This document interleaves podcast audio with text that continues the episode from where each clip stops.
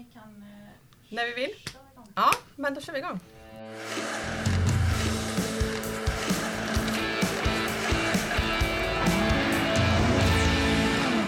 Han hackar grönsaker bättre än vilken stjärnkock som helst, lyssnar gärna på två blyga läppar och skulle förmodligen tacka nej till en vecka på Maldiverna om det krockade med ett stortrav.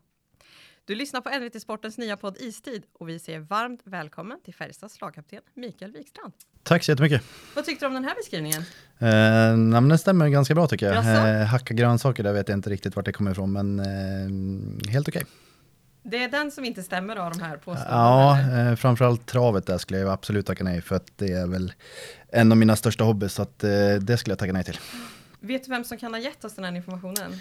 Eh, nej, faktiskt inte. Du har ingen gissning? Nej, kan det vara min fru kanske? Ja, det är din fru. Vad kul. Mm. Hon sa också att du dricker väldigt mycket Cola Zero och Trocadero Zero. Ja, det är eh, lite dåligt av mig, men eh, det är faktiskt en av de sakerna som jag tycker är väldigt gott och jag njuter gärna av en kall Cola Zero eller en Ja. Trocadero Zero. Ja. Eh, några burkar i veckan sa hon. Lite milt Eh. kanske då uttryckt, men eh, Ja, det är lite perioder det där. Ibland så kan det bli någon burk för mycket per dag och någon gång kan det ta någon vecka innan det blir igen. Så att, eh, ibland för många, ibland för få. jag förstår, jag förstår. Eh, det är ju så här att vi, eh, vi har ju en historisk dag idag. Vi har ju tagit klivet in i det digitala kan man säga på allvar. Vi var sist med att skaffa Facebook-sida till sporten. Vi var sist med att skaffa Twitter och nu är vi också sist med en hockeypodd. Men vi är ju mega peppade, eller hur Marcus? Det är vi och den här känslan av att man är en eh, skolpojke som ska börja sjuan lever ju kvar lite här fortfarande känner jag men eh, det är tur att vi har en lugn och trygg gäst med oss. Ja, vi har ju fått höra också av din fru då som gav oss den här intron att du är lugnet själv. Du blir inte nervös.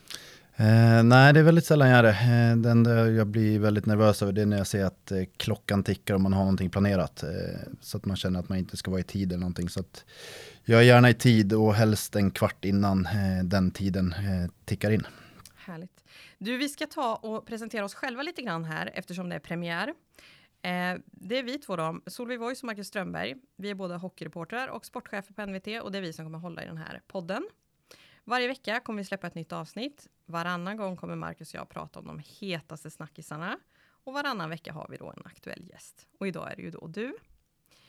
Eh, så att ja, Marcus, du har ett frågebatteri. Jag vill börja med att värma upp eh, både oss själva och dig kanske lite grann med, med fem snabba. Vi börjar med eh, paddel, hiss eller diss. Eh, diss, jag är inte alls för paddel. Det är du nästan ensam om i hela Färjestad. Ja, eh, det är många som spelar paddel och eh, Lillis och Wiksten de här går ju i bräschen för det, men där är jag verkligen tokdiss. Stenhårt skott från blå eller soloåkning från egen zon. Eftersom jag aldrig åker solo så måste det bli ett stenhårt skott från blå måste jag säga då. Kanske är det dags då. Ja, man vet aldrig, kanske, kanske kommer här under, under jultiden där, får se. Två blyga läppar eller Lasse Stefans. Uff, där satte de mig på pottkanten, men det är två blyga läppar i sådana fall. Eh, det sista du gör, säger eller tänker innan du åker ut på isen. Eh, nej, men jag tänker att det ska bli fantastiskt kul att gå ut i, i en fullsatt arena och, och verkligen göra allt i sin makt eh, för att ta tre poäng en, en lördagkväll. Det, det är få saker som slår det verkligen. Om du fick döpa en pizza och bestämma toppingen, vad skulle den innehålla och heta? Eh, ja, namnet är lite svårare, men Viken special då i sådana fall. Och sen skulle jag vilja ha lite smått och gott på den. Oxfilé, fläskfilé, lök och sen en klick bearnaisesås, då är man hemma. Ja, lätt fin. Själv kör jag ju på ägg, oliver och salami. Det är någonting jag får otroligt mycket kritik för, Ja, ska den- sägas. Ja, det var också diss på den skulle jag säga då. det får nog... Du är lätt häcklad för den här kan jag Ja, säga. Jag, det var- köper, jag köper den dissen. Ja, den får du faktiskt köpa. Ja, du har ingen ägg på din nej. Nej, inte Nej. oliver heller. Det är väl några få saker som jag inte gillar. Så att Okej. det var tokdiss. Just ägget kan rekommenderas. Ja, men ägg, ägg har jag testat några gånger på pizza och det tycker jag är helt okej. men just oliver där får du nog behålla själv. Då gör jag det. Ja, ja. Detta om pizza. Vi tänkte då att börja snacka med dig om det här enorma trycket och, och intresset som det är runt SHL-premiären. När vi spelar in det här så är det ungefär en vecka bort kan vi då säga. Känner ni av den här otroliga stämningen som byggs just nu? Mm, jo, men det gör man. Eh, man känner ju och läser allt vad som skrivs i media och eh, allt vad fans tycker och tänker och skriver och de har ju höga förhoppningar och vi har också väldigt höga förhoppningar och man, man känner ju av det laget som vi har och de, de namnen vi har i truppen så är det klart att det är någonting speciellt som ligger och bubblar om man bara väntar på oss och som ska släppas lös. Så att, eh, man känner av trycket och, och, verkligen den hetsen som är just nu i Karlstad och runt hockeyn. Så att, eh, det känns som att hockeyn är väl lite hetare nu än vad den kanske någon gång har varit tidigare när jag har spelat här i alla fall. Så att det känns som att någonting ligger och bubblar som vi, som vi väntar på att få se. Du har inte känt så här tidigare liksom när det har varit en vecka bort till, till mm, seriepremiär? Mm, inte direkt så. Eh, man tycker väl kanske att eh, hockeyn alltid varit stor här i Karlstad och det har snackats mycket hockey och det har varit en vecka till premiär så har det börjat bubbla upp. Eh, men just nu snacket börjar ju typ i april, maj att det är nu det ska ske och det är nu eh, förväntningarna kommer och, och allting sånt runt omkring laget. Och, så att det kanske är lite hetare nu än vad det varit innan och det är väl det man känner av också att man är extra taggad för att gå in i säsongen. Mm, mm. Vi har förstått då att du var spindeln i nätet här i den här hemvändar, ja, hemvändarsäsongen som vi nu står inför. Eh, hur gick det egentligen till när du kom tillbaka? För Jakobsson har förstått, han har kontakten med er alla som har varit utflugna. När börjar det handla om en övergång och inte bara det här, tjena hur är läget, hoppas allt är bra, vi finns här? Mm, det börjar nog någon gång där under jul, mitt andra år i Ryssland. Ehm, då kollade jag av läget med agenten, eh, eller jag kollade inte av läget utan jag sa att nästa år vill jag spela i Färjestad. Ehm, och han sa väl att vi skulle lugna oss lite och kolla om det fanns något annat på tapeten och jag sa att eh, du kan nog ringa Peter och börja upp ett avtal och så kommer jag krita på det och jag kritar på det någon gång 18 januari tror jag för att vara exakt. Ehm, och då kände jag väl långt innan det också att jag ville hem och, och kände det nästan direkt där, typ 8 juli när jag åkte andra svängen att eh, det är mitt sista år i Ryssland. Eh, så att det kändes som att jag hade gjort mitt där och, och kände den här, eh, man hade ingen riktig trygghet när familjen skulle kunna komma över nu på grund av covid och allting sånt. Så att jag var ju själv där i fyra månader och han fundera och, och kände väl att eh, någonstans så, så får det räcka med två år. Eh, får han till och med för mycket cred här Jakobsson för den här världen? Det låter inte som att du var jättesvårövertalad om man säger så. Eh, jo, men han har ju legat på mig också. Hade inte han gjort det så hade man kanske känt att någonting annat lockas mer och något annat lag hör av sig mm, ännu mer och ligger lite på lite mer intensivt. Så att någonstans så, så har Peter och Penna gjort ett grymt jobb med att hålla kontakten med oss och, och verkligen kolla av läget när, eh, när det börjar bli aktuellt och hett och komma hem och i stort sett ringer var och varannan vecka och bara tjatar och frågar hur det ligger till och, och allting sånt. Och det gör ju att man själv känner sig het här hemma och att man får ett intresse av att komma hem och spela. Det hade varit skillnad om man hade dragit och inte hört ett knyst på två år. Då kanske det inte hade varit lika roligt och, och lika mm, upphetsande så att komma hem hit heller. Nej, men det låter verkligen som att han är, vi har ju hört det från flera spelare, att han har en väldig kontakt sådär. Är det vanligt, undrar jag, i sportchefsroll sådär, eller general manager-roll, att man har den, när du har spelat i andra klubbar till exempel, händer det mycket att, att man får ett samtal då och då? Mm, nah, men nu har jag inte varit utomlands så från andra klubbar så att det kanske är lite, lite svårt att säga. De gångerna jag flyttat så har jag flyttat från Mora till Frölunda och från Frölunda till Färjestad. Så att just den kontakten har man inte haft riktigt så utan nu har det varit mer att man, man drog iväg till KL och Ryssland här i, i två år och då kände väl Peter kanske att ska han hem nu så, så är det klart att vi ska med och försöka hugga och försöka få han hem till Karlstad igen. Och, och det var väl det som gjorde att man, man själv blev lockad att försöka eh, få ihop ett så bra lag som möjligt och försöka vinna ett guld här eftersom man trivs så jättebra och har hus och har alla sina vänner här och, och eh, ja, men att staden och fansen är grymma mot den också. Så att, eh, det var mycket som lockade när man väl bestämde sig. Mm. Mm. När du väl hade skrivit på där i januari, var det svårt att hålla det hemligt? Att du hade signat? ja, det var faktiskt jättesvårt. Eh, eftersom man ville ha så bra lag som möjligt så, så ringde man ju upp Lille så började jag tjata direkt och så började han undra om jag hade signat eftersom jag låg på han så intensivt och allting sånt och då fick man väl lov att kläcka ur sig att man hade signat och, och verkligen försökte dra med han hem också och sen eh, så försökte jag jobba in han och sen gjorde jag väl samma sak med med Linus Johansson också så fick man ju lov att vara ärlig där också och sagt att man hade signat och sånt. Men det tog eh, lång tid för Limpan att bestämma sig och det förstår jag också. Men, men Lillis var inte så svårövertalad och det, det är jag glad över. Ja, för det där är ju, vi har ju förstått att ni har haft jättemycket kontakt med varandra. Hade ni koll på var, ja men, hade du koll på var Lillis låg i sin liksom, process så? Att, ja men gud, jag funderar på, imorgon ska jag nog besluta liksom att komma hem eller? Eh, ja, eh, man har ändå den kontakten framförallt nu när man är så nära vänner och pratar i stort sett dagligen fast utan det här också. Utan när man var i Ryssland där i början så ringde man bara och kollade av läget och hur det såg ut i, i Sochi och hur det såg ut i Kazan, hur man tränade och hur man mådde och eh, allting sånt. Eh, sen, sen när det väl började dra igång till allvar, eh, att, att vi skulle hem så är det klart att då ringde han upp mig och sa ah, jag snackade med Peter idag och Peter sa det här och Peter sa det här. Och, eh, så det är klart att man hade stenkoll på ungefär hur man låg och eh, ungefär, ungefär hur många år man skulle skriva och sånt. Eh, så att, stenkoll hade man väl inte på allt, men man hade koll på mycket. Man hör ju hur du pratar om eh, de här andra killarna. Liksom är, är en mer familjär känsla i den här truppen än vad du har varit med om tidigare? Eh, ja, men det är det nog. Det känns som att vi är så pass tajta både på isen och utanför. Alltså vi hänger ju utanför och många har ju barn i samma ålder också som man, eh, våra fruar och allting är ju också jättebra kompisar så det känns ju verkligen som att i stort sett man skulle kunna fira jul med alla utan, utan att ha problem. Liksom. Eh, vi är så, så pass goda vänner allihopa så att eh, någonstans så, så var det väldigt kul att det var så många som kom hem också. Ja, vi, vi backar bandet lite då till, eh, till tiden i Ryssland. Hur, hur var det? Eh, nej men det var bra. Eh, det var väldigt många saker som var väldigt bra. Sen var det väldigt många saker som var mindre bra också. Eh, mer speciellt än vad vad man är van med här hemma. Eh, allting för familjerna försökte de göra så bra som möjligt. Samtidigt så, så tyckte väl inte vi kanske att det var den höga standard som vi har i Sverige. Här hemma så får man ju allt uppdukat och, och får hjälp med allt om man behöver hjälp. Och där borta får man klara sig lite mer själv. Och, eh, vår son Liam där var in på sjukhus väldigt, väldigt mycket och fick eh, mycket infektioner och öroninflammationer och sådär. Så att eh, det var mycket ryska sjukhus för min fru och, och för Liam och mycket rysk antibiotika så man tyckte väl inte att det var jätteroligt varje dag men samtidigt så, så visste vi om att det skulle bli speciellt och en, en upplevelse och det var väl lite det jag sökte också när jag lämnade att det var en ny upplevelse och att jag behövde ett nytt steg i min karriär för att, eh, för att se någonting nytt och, och få utvecklas lite mer. Men det var en, en tuff tid ändå när man blickar tillbaka eller?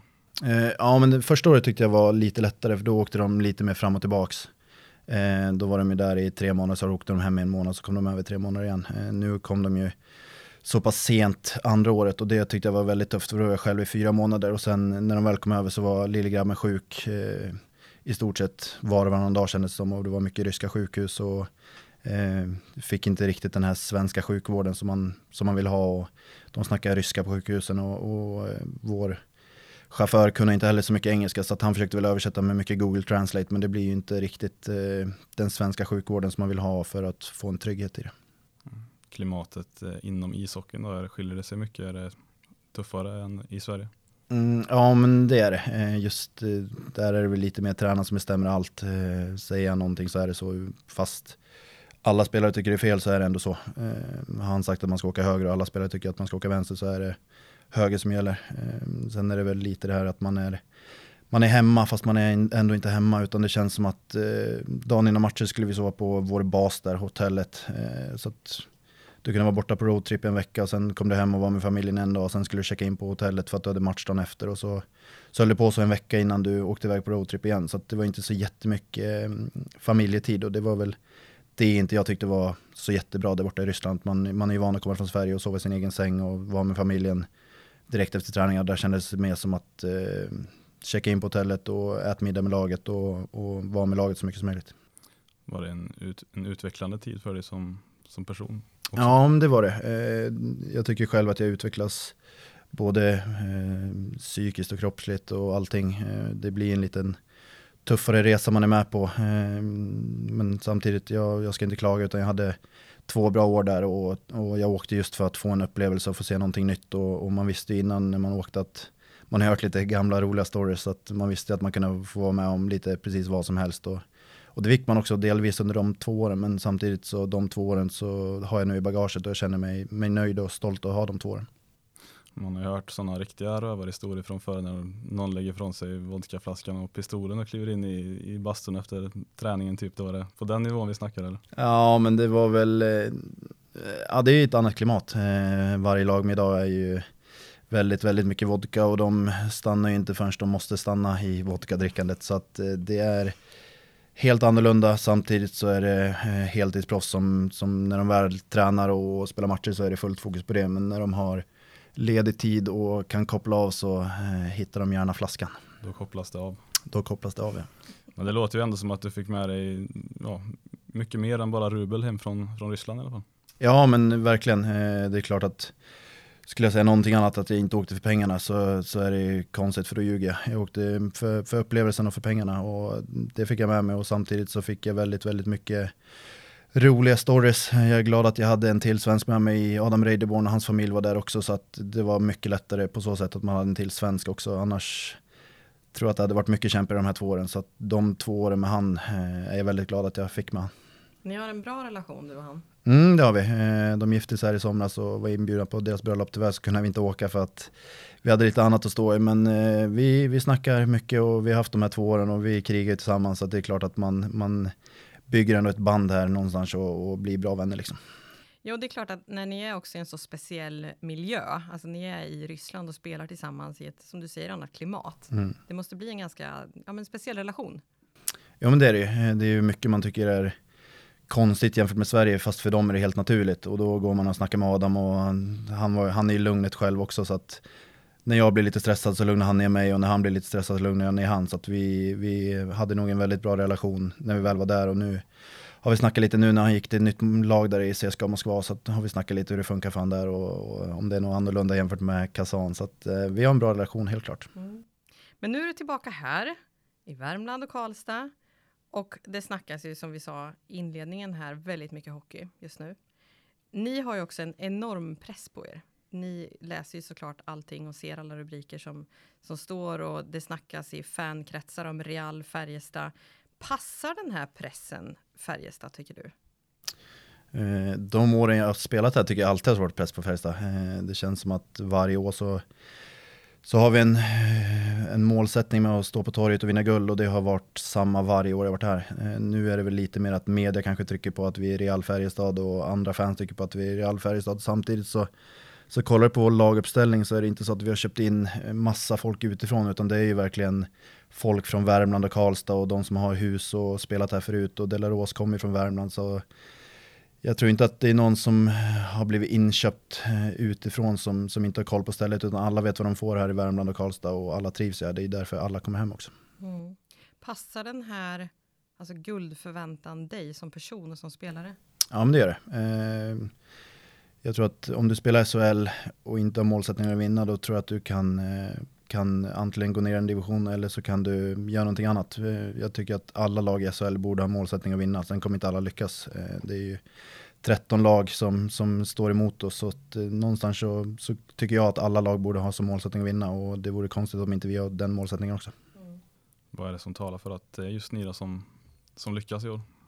Eh, jag tycker att vi har en fantastisk spets. Eh, på den spetsen så har vi ett djup och en bredd som är helt otrolig också, så att det känns som att vi har fyra lines som kommer kunna gnugga och gå i, i alla väder och eh, försöker de stänga ner någon line så har vi ändå tre lines till som, som är otroligt skickliga och man märker på träningar vilket, vilken hunger det är på isen och hur folk kör för, för istiden. Det, det går inte att koppla av en enda dag idag eh, på träningar utan folk måste köra för att visa att de ska spela sina minuter och och få spela powerplay. Det är många som inte får spela powerplay eh, fast de eh, vill det. Eh, alla vill spela så mycket som möjligt men samtidigt så, så är det prestera som gäller och, och försöka göra så bra som möjligt för sig själv och för laget. Mm.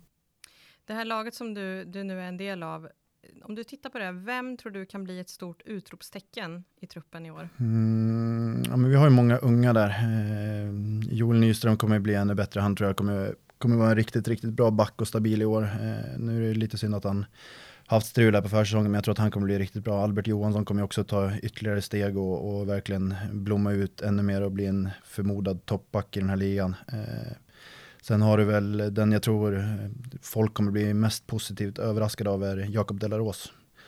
Han eh, kan spela precis allt. Han kan eh, vara tuff, han kan vara skicklig, han kan spela powerplay och boxplay. Jag tror att han kommer betyda oerhört mycket för, för vårt lag. Hur ser du på din roll som kanske lite mentor åt de här unga backarna som du nämnde precis?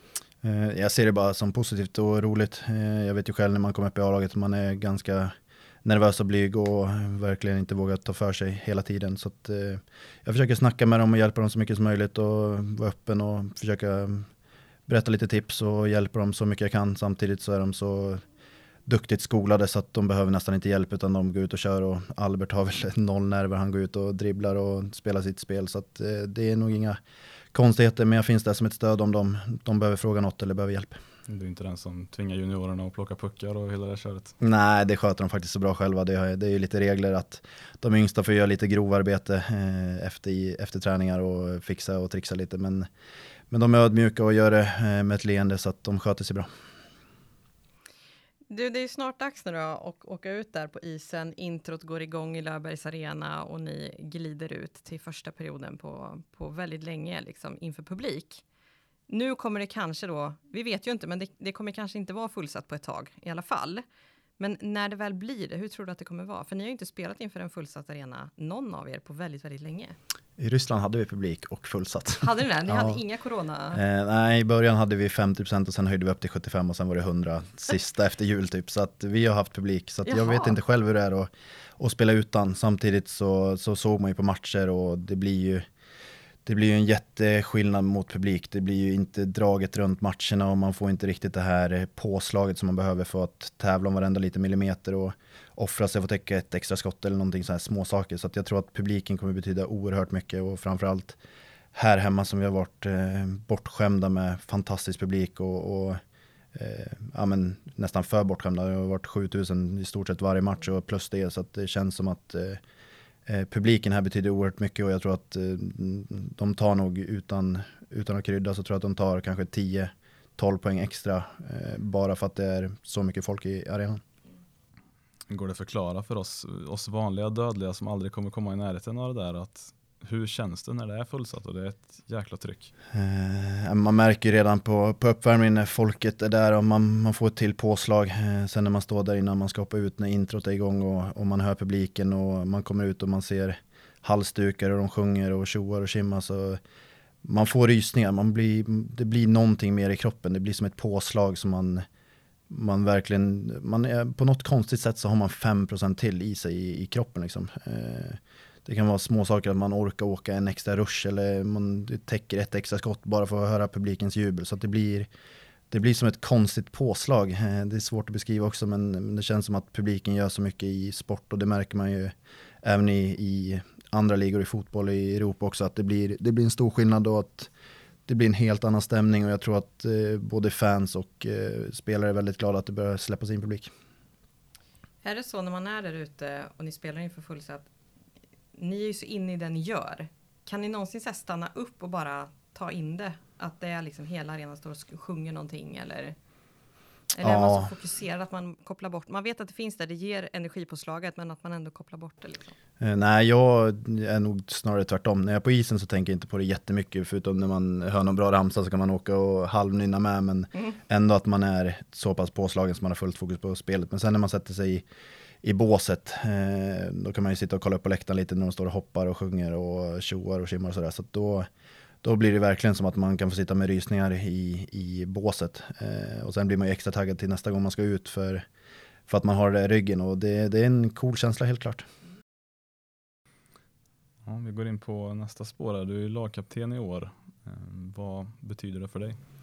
Eh, men såklart jätte, jättestor ära att få vara kapten för den här föreningen och den här gruppen. Eh, det var väl ingenting jag hade räknat med när jag väl kom hem utan det var ingenting som, som ens jag tänkte på då. Men när, när de började kolla runt med vilka som eh, var tillgängliga så, så frågade de mig om jag ville vara kapten och sa självklart ja. Och, eh, det var ingenting att tveka på. Jag blev eh, väldigt glad och nästan lite rörd för att vara kapten för den här gruppen.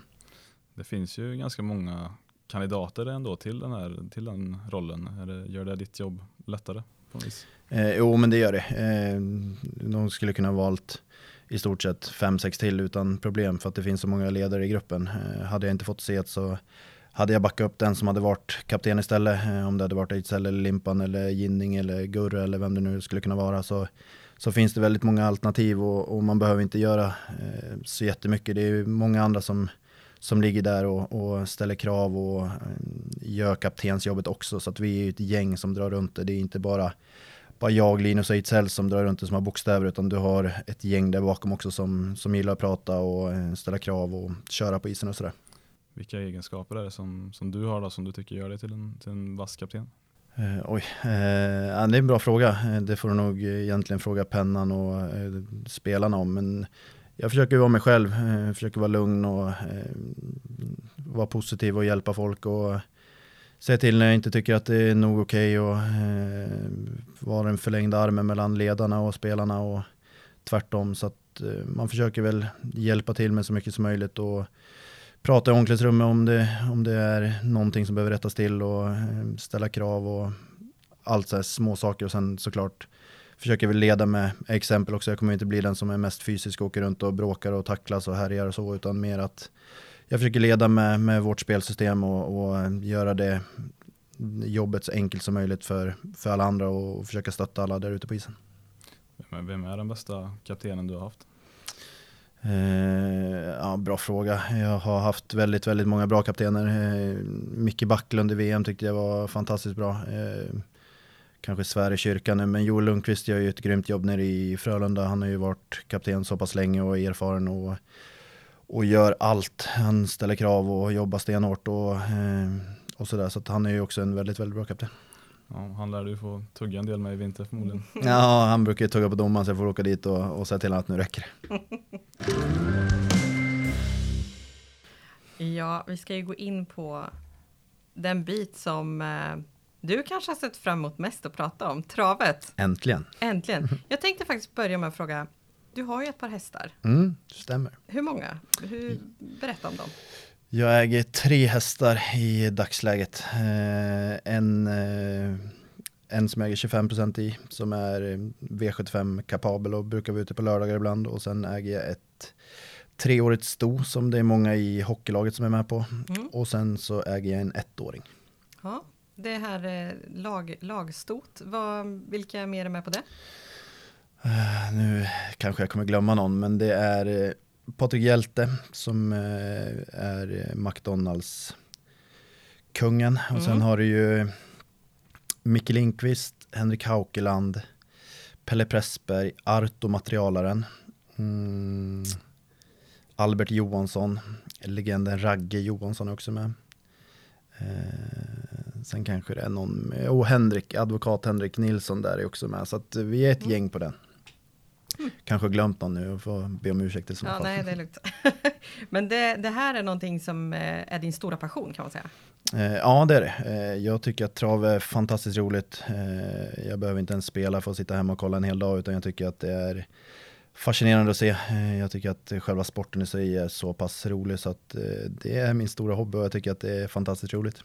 Det låter, det låter precis som min farsa. Han kan också sitta hela dagarna och bara kolla på trav och inte ens spela på det. Nej, eh, det... Jag, där förstår jag mig det, det dissar jag säger. Ja, ja, men eh, jag vet inte vad det är, men någonstans har man kommit in på det och eh, tycker att det är så pass roligt och sen har man ju lärt känna lite folk inom, inom själva sporten också så att man tycker att det är kul att kolla när någon som man känner tävlar eller tränar så att man kan skriva grattis eller tråkigt om det inte går lika bra. Så att, eh, och sen är det kul att kolla på fina hästar. Eh, när de absolut fina hästarna eh, kommer ut och tävlar under våren där och eh, Elitloppet under sommaren och alla stortrav så är det, ja, då, då är det någonting som kittlar i magen när man kollar. Hur, hur bittert var det här då när Lillis och Nygård just stod på hem 750 000 som totala nybörjare egentligen? Ja, det, jag blev faktiskt lite lack om jag ska vara ärlig. Nej, jag tyckte att det var kul för dem, eh, verkligen. Men eh, själv lägger man ju ner hur mycket tid som helst och ligger och eh, läser och kollar lopp och kollar lopparkiv hur hästarna gick förra gången till exempel och kanske skrivit till någon tränare eller kusk vad de tror om, eh, om chansen och allting sånt. Eh, och sen skickar Nygård lappen som han la eh, 20 minuter innan start. Eh, och jag skrev det är sjukt att du spikar ett kallblod. Jag brukar aldrig komma rätt på de där. För att när jag tar alla så vinner favoriten och när jag spikar så, så skräller det alltid. Och då fick jag till svar, vad är ett kallblod för något? det var på den nivån ja. Det var på den nivån. Så att eh, någonstans så, det är ju ren och skär tur. Men samtidigt, han vet ju vem Björn Goop och Örjan Kihlström är. Och det var ju de två han spikade också. Så att eh, det var skickligt gjort helt klart. Alltså hur mycket har du fått höra det här? Eh, inte så överdrivet faktiskt. Nej. Jag tror ju att det är en gång och aldrig mer. Sen är det klart att man man kan ju ha tur igen, men jag tror faktiskt inte att de kommer vara nära igen. Eh, för att det krävs så mycket tur och skicklighet när du spelar trav. Jag, Jag har aldrig varit nära och jag vet inte om jag kommer vara det någon gång. eh, Men jag får i alla fall kriga på och kämpa på för att försöka slå dem i alla fall. Men vart kommer det här intresset ifrån? Har du haft det länge? Ja men det har jag haft. Eh, Mamma ägde travhäst när jag var liten så jag var på travbanan eh, redan som 10-12-åring och sprang runt på stallbacken och eh, tyckte att det var fantastiskt roligt redan då. Men jag tyckte inte att det var så kul, men jag tyckte att det var kul att se hästar och, och allting sånt. Eh, Sen tycker jag väl någonstans att jag trappade upp det när jag flyttade till ja, mitt sista år i Mora kan man säga och eh, när jag flyttade till Göteborg och fick gå på, på Åby där, det är ju en stor ba- travbana och mycket fina hästar så att eh, någonstans där väcktes väl travintresset på, på riktigt och efter det så har man varit fast. Och det är sant det här att du skulle välja bort Maldiverna om det krockar med ett stort trav. Äh, lite överdrivet är det nog. Jag hade nog åkt till eh, Maldiverna men jag hade haft eh, någonting att se på travet Ja. och helt klart. Ja. Går alltid streama ATG där. Exakt, då tror jag att jag skulle klara mig. Men jag hade nog inte, jag hade nog inte missat Elitloppet för att ligga och sola och bada. Det hade jag inte gjort. Ja. Det var eh, de frågorna vi hade till dig idag och eh, den sista frågan du ska få, den handlar inte om dig, utan du ska få skicka över en fråga till vår nästa gäst i podden, Viktor Ejdsell. Eh, vill du fråga om någonting som kan passa inom kanske de här snabbfrågorna för att värma upp honom, eller har du någon specifik fråga du tycker att vi ska fråga Viktor? Viktor gillar ju att laga mat, så att, eh, jag skulle vilja höra om han får välja en maträtt i resten av sitt liv han får äta. Vilken maträtt blir det i sådana fall? En maträtt resten av sitt liv alltså. Det är en väldigt bra. Vad svarar du själv på den frågan? Alltså, ja, jag vet inte om jag skulle få äta mig på det, men rotmos och fläsklägg om jag skulle få välja eh, lite av ett svar. Men det är, det är faktiskt en av höjdpunkterna som jag får äta hos mormor. Vi brukar göra det hemma också, så att eh, det skulle jag nog välja högt. Sen är kebab skulle nog ligga nära till hans också, så någon, någon av de två. Ja, det, är inte dåligt. Eller Ja. en Viken special kanske där då med, med kött och Ja, den är inte helt fel nej, heller. Nej, kött och bea. Ja, med detta, detta matsnacket här nu då så sätter vi punkt för den här veckans avsnitt. Tack för att du kom hit Mikael. Tack själva. Och tack för att ni har lyssnat. Ni får jättegärna följa oss på Facebook. Där finns vår grupp Istid. Du har lyssnat på mig, Solveig Voice, min danspartner Marcus Strömberg och vår första gäst, Färjestads lagkapten Mikael Wikstrand i det här första avsnittet av NVTs hockeypodd Istid. Karl Edlom har stått för ljud och jinglar. Emma Lindell har klippt podden och ansvarig utgivare är Mikael Rotsten. Vi hörs igen om en vecka.